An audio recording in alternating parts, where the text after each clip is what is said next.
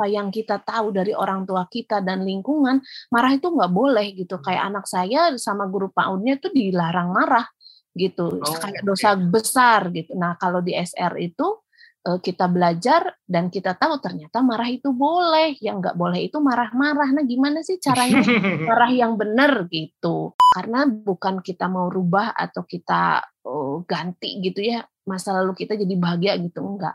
Tapi bagaimana di SR ini kita belajar memaknai kembali, memaknai ulang hal-hal dalam masa lalu kita yang kita anggap itu tidak baik menjadi sesuatu kekuatan untuk kita bisa berefleksi dan mensyukuri itu semuanya sehingga kita bisa lebih siap menghadapi masa sekarang dan masa depan begitu.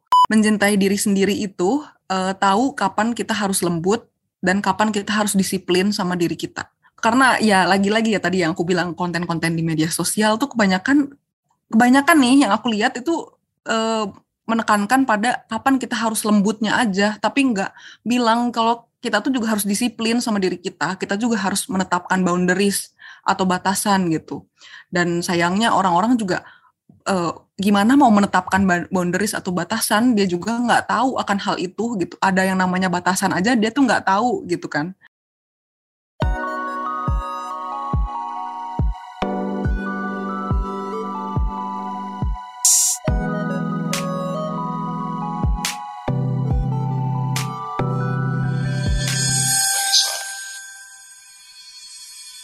Bagi suara balik lagi hari ini sama Pit dan hari ini gue bakal ngobrol sama Ana dan Nenden. Uh, halo Ana, halo Nenden. Halo, halo Pit, halo teman-teman semua. Halo Ana, halo Nenden. Uh, thank you banget ya udah mau uh, datang ngobrol-ngobrol di Bagi Suara. Sama-sama. Hmm, mungkin gue mau mulai dari yang uh, dari yang dasar banget kali ya. Mungkin uh, boleh di-share kah uh, kalian siapa dan uh, saat ini sedang aktif berkegiatan ya kalau nggak salah di uh, sekolah rekonsiliasi mungkin boleh di-share juga apa itu sekolah rekonsiliasi. Uh, dari aku dulu kali ya. Silakan. Uh, Oke. Okay. Halo teman-teman semua, uh, perkenalkan nama aku Adriana Anjani, biasa dipanggilnya Ana. Uh, saat ini aku merupakan karyawan uh, dengan jabatan Partnership Officer di uh, Peace Generation Indonesia. Peace Gen itu apa? Sebetulnya Peace Gen itu adalah sebuah social enterprise yang bergerak di bidang pendidikan perdamaian untuk anak muda. Uh, Peace Gen banyak berfokus pada pengembangan pelatihan perdamaian, uh, media pembelajaran perdamaian, kegiatan kampanye media sosial, serta aktivasi konten perdamaian di Peace Gain ini kami punya komitmen untuk menyebarkan perdamaian dengan cara-cara yang menarik melalui media kreatif. Uh, saat ini aku juga sedang mengerjakan beberapa proyek di Peace Gain. Ada proyek salah satunya itu tentang kampanye media sosial di Asia Tenggara. Mungkin itu dari aku untuk sekilas perkenalannya.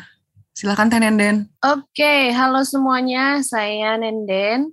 Uh, saya adalah orang yang sedang berjuang untuk bahagia selamanya, teman-teman. Uh, saya bekerja sehari-hari di Peace Generation sebagai uh, training koordinator. Uh, selain bekerja di Peace Gen, saya juga sebagai fasilitator sekaligus yang uh, salah satu yang mendirikan sekolah rekonsiliasi, uh, di mana kita semua belajar dan uh, berkumpul untuk bisa tumbuh bareng. Sekolah rekonsiliasi adalah uh, lembaga yang bisa menjadikan uh, diri kita untuk bisa tumbuh dan menjadi support system supaya kita punya kehidupan yang baik dan bisa sepenuhnya menyadari menjalani kehidupan ini dengan baik. Begitu kira-kira okay. kita bisa ngobrol selanjutnya.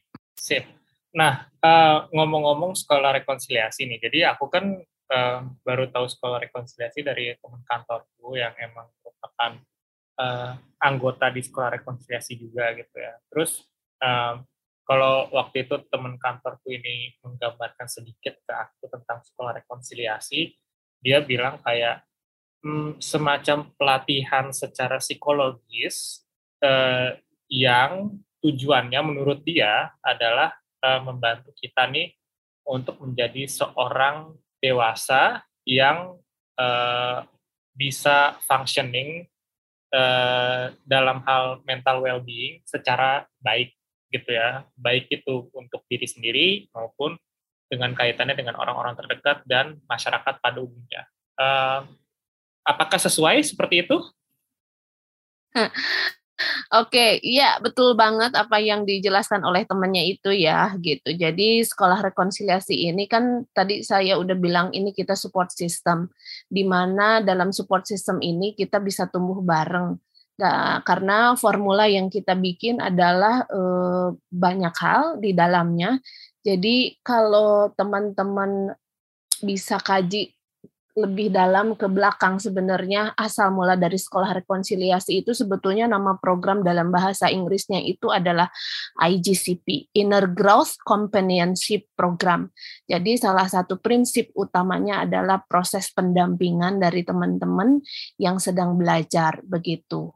Nah, kalau misalkan tadi ke mention psikologi gitu ya, kita banyak sekali ngomongin tentang mental, tentang psikologi.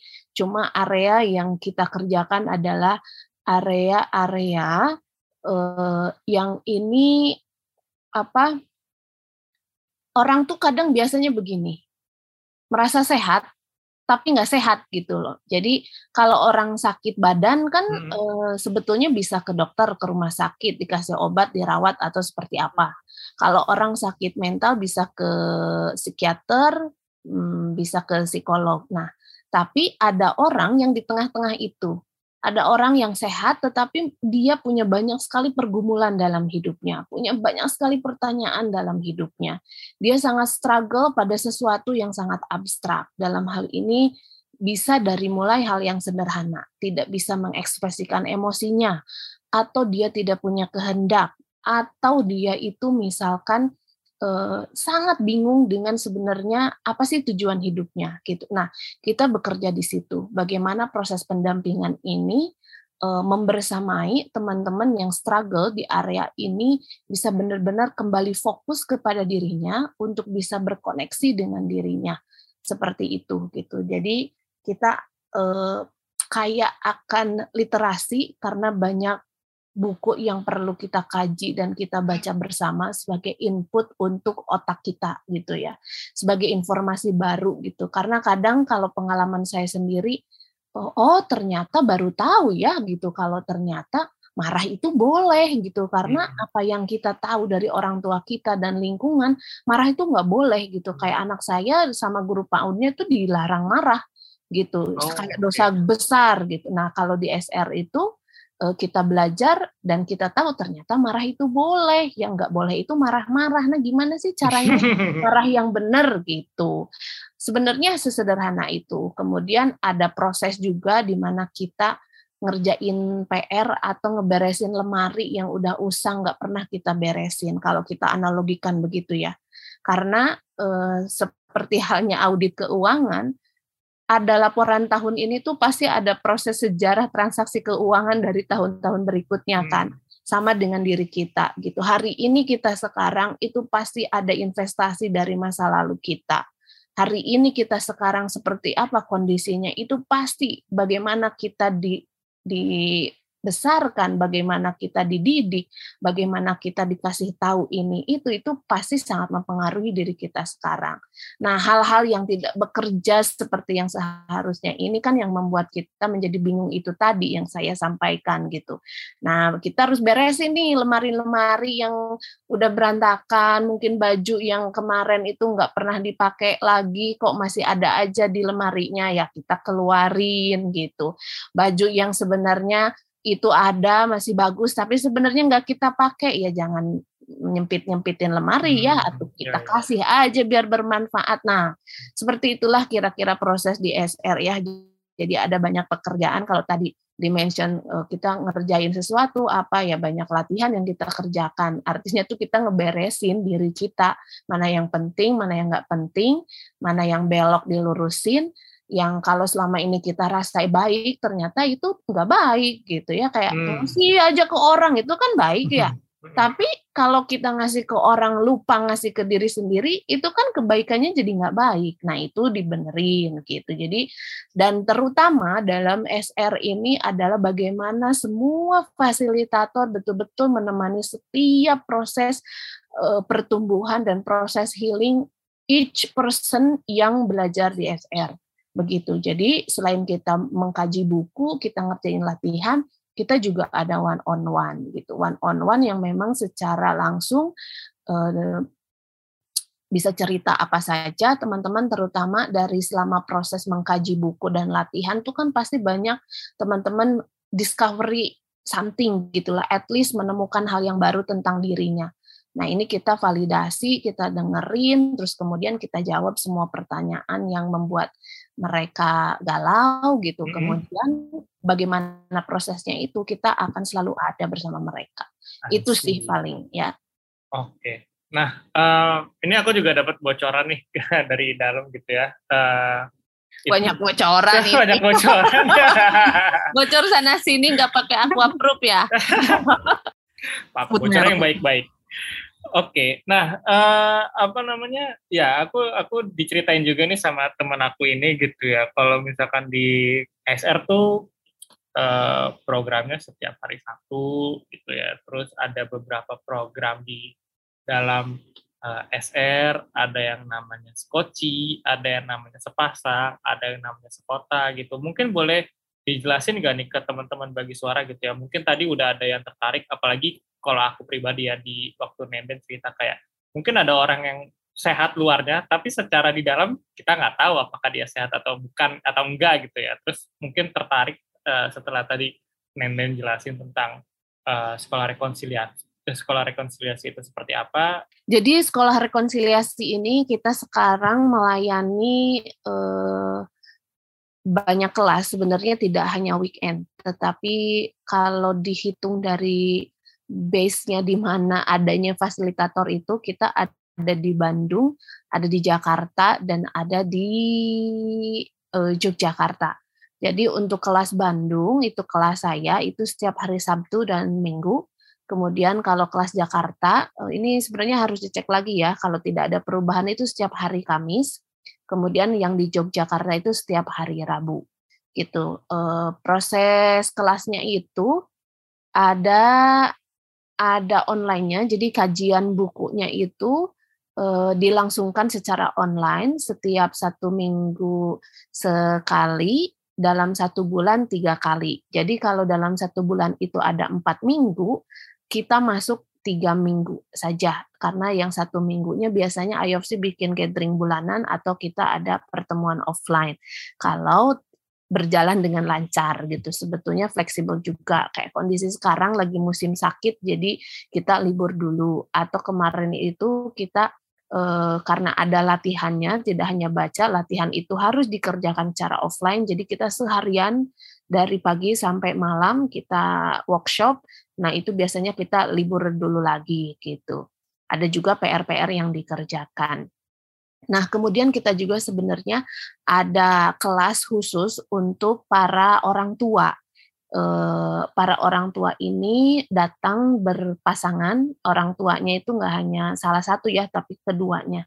Ini biasanya kita layani ketika orang tua ini sudah mulai menyadari eh, ada kesulitan menghadapi anak-anaknya. Jadi kalau biasanya itu anak-anak yang memang dirasa sedang sangat berjuang dalam proses tumbuh kembangnya, biasanya yang harus diselesaikan, yang harus ditreatment gitu. Kalau di sekolah rekonsiliasi justru kita kuatkan adalah orang tuanya. Orang tuanya yang ikut kelas sehingga orang tuanya langsung yang nanti akan eh, menghadapi anaknya dengan ilmu dengan kekuatan yang baru begitu. Kemudian kita juga ada layanan one on one untuk umum eh, karena animo masyarakat sekarang ikut kelas SR itu gede banget. Jadi mereka itu sangat tidak sabar untuk menunggu kelas tahun berikutnya. Jadi kadang kelas ini udah dibuka tahun ini udah banyak yang daftar dan nggak uh, sanggup gitu harus harus nunggu tahun ajaran baru. Jadi kita melayani one on one mereka gitu sebelum mereka masuk kelas gitu. Nah kemudian uh, apa namanya kelasnya itu uh, ada untuk tahun ini kita bagi menjadi tiga uh, kelas yang sebetulnya satu dengan yang lainnya berkelanjutan ya. Jadi kelas yang untuk para pemula ini namanya kelas sekoci atau singkatan dari sekolah cinta. Kita belajar di sini bagaimana pentingnya mencintai diri kita sendiri. Karena seperti seperti tagline-nya IOC gitu ya. SR ini kan di bawah Initiative of Change Indonesia. Tagline kita adalah Change Start With Me. Jadi apa-apa itu semua harus dimulai dari diri kita sendiri. Jadi kita percaya eh, sebelum kita menerima orang lain, hal yang paling penting yang kita lakukan adalah belajar dulu menerima diri kita sendiri. Jadi eh, di Sekoci kita belajar banget tentang bagaimana pentingnya mencintai diri kita sendiri. Kemudian kita ada sepasang jadi sekolah pasangan. Ini banyak yang miskom sebenarnya. Ah, kalau ikut sepasang berarti harus punya pasangan ya. Enggak sebenarnya gitu ya. Jadi sepasang ini adalah untuk teman-teman yang sudah selesai ikut sekoci. Jadi kalau udah selesai dengan diri sendiri, belajar tentang diri sendiri, berarti kan kita belajar dengan orang lain ya berhubungan dengan orang lain. Nah, sepasang pasangan orang lainnya ini itu nggak harus pasangan, tetapi bisa jadi itu keluarga kita, orang tua kita, teman kerja kita, tetangga kita, bos kita, semua di luar diri kita. Nah, ini yang hubungan-hubungan kita dengan orang lain ini pastinya sangat rentan dengan konflik. Nah, bagaimana kita menghadapi mereka ini semua? Setelah dikuatkan di sekoci tentang dirinya, di sepasang kita kuatkan. Bagaimana kita berelasi dengan orang lain, dengan tidak mengubah kadar cinta kita kepada diri kita. Jadi ketika kita mencintai orang lain bukan cinta yang kita miliki kita bagi, enggak sebenarnya. Tapi bagaimana cinta kita yang utuh ini kemudian kita bisa tularkan kepada orang lain. Nah, itu disepasang.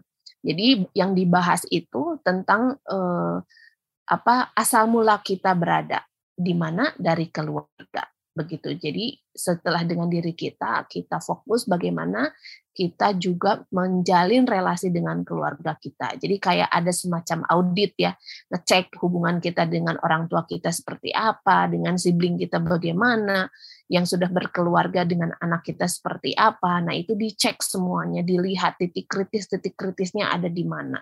Karena kalau udah selesai dengan diri kita, dengan keluarga kita, menghadapi selain itu, kita akan jauh lebih mudah. Kemudian selanjutnya kita ada sekota atau sekolah orang tua. Nah, ini juga banyak yang miskom ya gitu.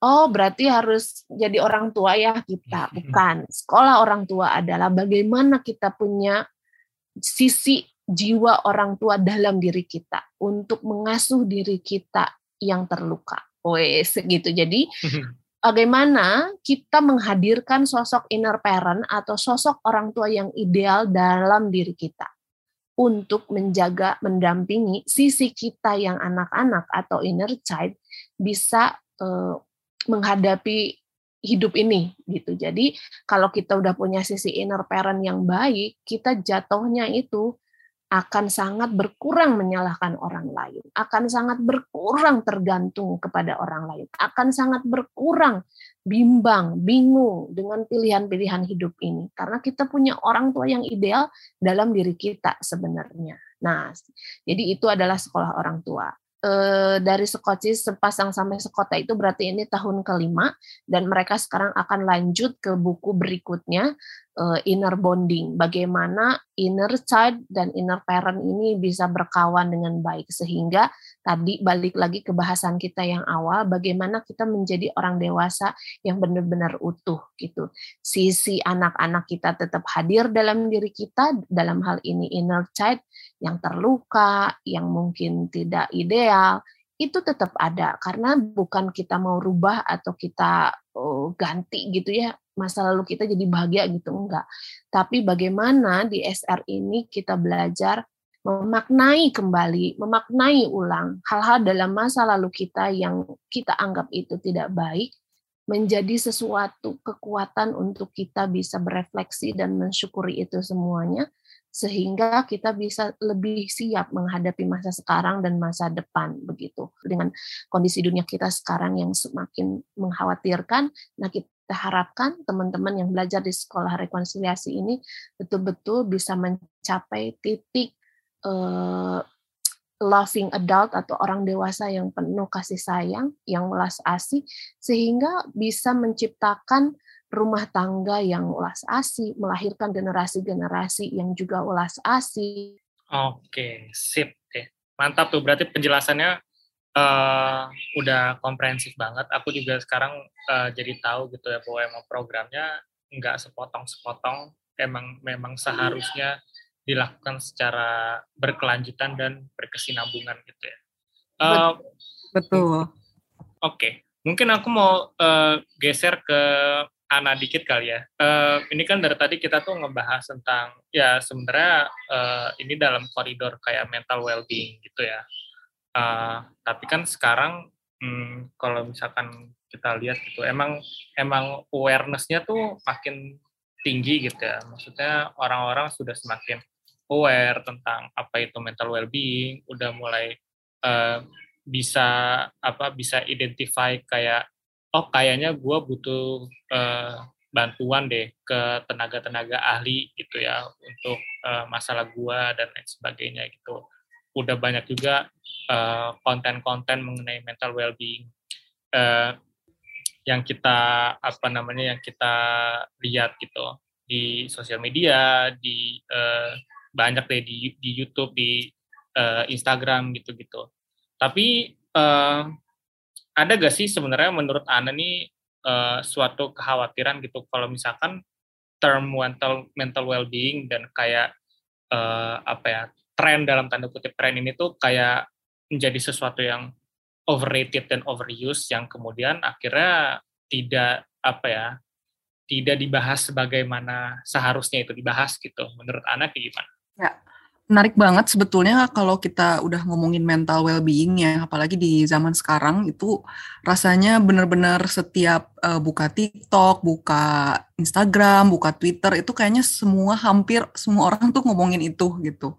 Tapi balik lagi uh, dengan banjirnya informasi ini gitu ya tentang mental well-being gitu uh, jujur aku sendiri gitu ya sebelum ikutan SR itu tuh jadinya bingung gitu. Jadi mental well-being itu sebenarnya seperti apa gitu. Dan kesehatan mental itu seperti apa sih sebenarnya? Karena ya yang ditonjolkan, yang ditampilkan di media sosial, kebanyakan itu uh, hanya mengangkat yang baik-baiknya aja gitu loh, tentang self reward gitu kan, tentang self love gitu. Tapi jarang banget ada yang mau membahas sampai ke uh, luka-lukanya, borok-boroknya gitu tuh jarang banget ada yang mau untuk ngebahas dalam itu gitu. Menurut aku penting banget ya, apalagi untuk anak-anak zaman sekarang gitu. Kita uh, hidup di zaman yang benar-benar uh, sangat penuh distraksi gitu banyak banget uh, apa ya perkembangan teknologi yang rasanya tuh kalau diikutin terus kitanya juga uh, gak akan secepat itu gitu ngikutin teknologi ya. Dan itu tuh sangat mempengaruhi kesehatan mental kita juga gitu. Banyak orang yang uh, apa ya sudah lama uh, biasanya main di Instagram gitu tadinya biasa-biasa aja tapi sekarang tuh jadi makin anxious gitu ya makin cemas melihat konten-kontennya dan segala macemnya gitu. Jadi uh, penting banget ya sebetulnya untuk anak-anak muda zaman sekarang itu untuk lebih aware uh, tentang mental well-being. Nah, tapi yang perlu digarisbawahi itu mental well-being seperti apa sih yang sebetulnya perlu untuk kita pelajari dan perlu untuk kita uh, punya untuk di masa sekarang ya. Mungkin tadi Teh Nenden udah berkali-kali bilang gitu bahwa uh, mencintai diri sendiri apa pun tantangan di masa depan. Dan tantangan di masa depan salah satunya itu menurut aku ya tentang ini gitu ya. Gimana kita kuat untuk uh, menghadapi tantangan di masa depan kalau kitanya sendiri juga nggak nggak kuat gitu loh. Kitanya sendiri tidak membekali diri kita dengan kesehatan mental yang baik gitu dengan kesehatan fisik yang baik gitu. Itu pasti bakal struggling banget gitu ya. Dan kalau aku sih melihat mental well-being itu uh, yang paling utama ya menurut aku adalah punya kesadaran yang tinggi akan diri sendiri. Gitu. Kita punya alarm untuk tahu uh, apa ya uh, apa yang salah dengan diri kita gitu. Tadi juga Teh kan sempat bilang ya gimana uh, ada orang yang kalau sakit gitu ya sakit fisik dia ke dokter, tapi kalau sakit mental dia ke uh, psikolog, psikiater. Nah, tapi ada orang yang tengahnya gitu kan. Ada orang yang tengah-tengahnya yang dia secara fisik dia oke okay, dan secara mental dia sebenarnya oke okay juga gitu. Tapi dia banyak pertanyaan akan hidup. Nah, uh, terus dia juga sering bingung gitu ya menghadapi uh, permasalahan hidup gitu. Nah, ada juga orang yang bahkan nggak ngerti ada yang salah di dalam dirinya dan dalam hidupnya gitu loh. Bahkan sama sekali nggak tahu gitu kan, dan itu wajar banget. Aku pun mungkin sebelum ikutan SR, itu tuh bingung aku juga gitu, kayak uh, aku aku perasaan baik-baik aja gitu. Aku baik-baik aja kok, aku nggak merasa aku terlalu uh, apa ya aku aku aneh atau segala macam gitu. Karena ya balik lagi gak ada alarmnya satu terus juga nggak nggak aware akan adanya hal itu gitu loh.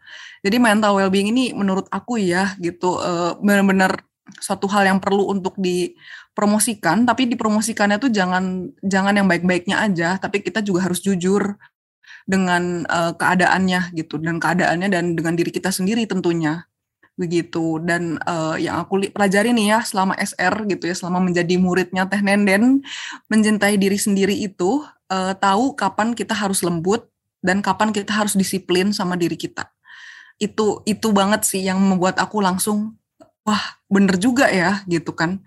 Karena ya lagi-lagi ya tadi yang aku bilang konten-konten di media sosial tuh kebanyakan kebanyakan nih yang aku lihat itu uh, menekankan pada kapan kita harus lembutnya aja, tapi nggak bilang kalau kita tuh juga harus disiplin sama diri kita, kita juga harus menetapkan boundaries atau batasan gitu. Dan sayangnya orang-orang juga uh, gimana mau menetapkan boundaries atau batasan, dia juga nggak tahu akan hal itu gitu. Ada yang namanya batasan aja dia tuh nggak tahu gitu kan. Nah itu sih yang menurut aku tuh penting banget ya untuk dipelajari di SR yang aku membuka uh, pikiran aku banget dan membuka hati aku banget gitu.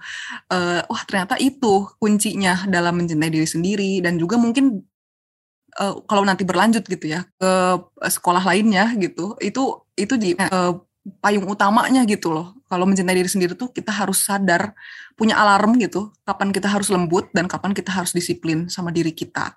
Kadang kita terlalu lembut, kalau kita terlalu lembut gitu ya, uh, jadinya kita juga nggak nggak bagus gitu ke diri sendiri. Contohnya deh kalau misalkan kita makan gitu ya, makannya pengennya selalu yang pengen enak aja gitu, yang banyak gula, yang terlalu asin gitu kan, atau makanan yang benar-benar uh, sebetulnya tinggi lemak gitu tapi dalam jangka panjang kan itu tidak bagus ya buat badan kita gitu. Uh, jadinya kitanya juga jadi rentan sama penyakit gitu. Walaupun waktu ngerasain makanannya sih enak gitu. Waktu detik itu sih ngerasainnya enak. Tapi ketika jangka panjang itu tuh jadi wah jadi dosa yang menumpuk ya dan jadi uh, berakumulasi gitu penyakitnya segala macam uh, segala macam ada gitu. Tapi ada juga loh orang yang kayak terlalu keras sama dirinya sendiri gitu. Contohnya aku. aku ini juga waktu aku di SR aku akhirnya belajar untuk kayak oh ternyata aku tuh orangnya terlalu keras sama diri aku sendiri gitu. Jadi setiap kali bikin kesalahan, setiap kali uh, bikin orang lain kecewa, itu aku lebih kecewa lagi sama diri aku sendiri.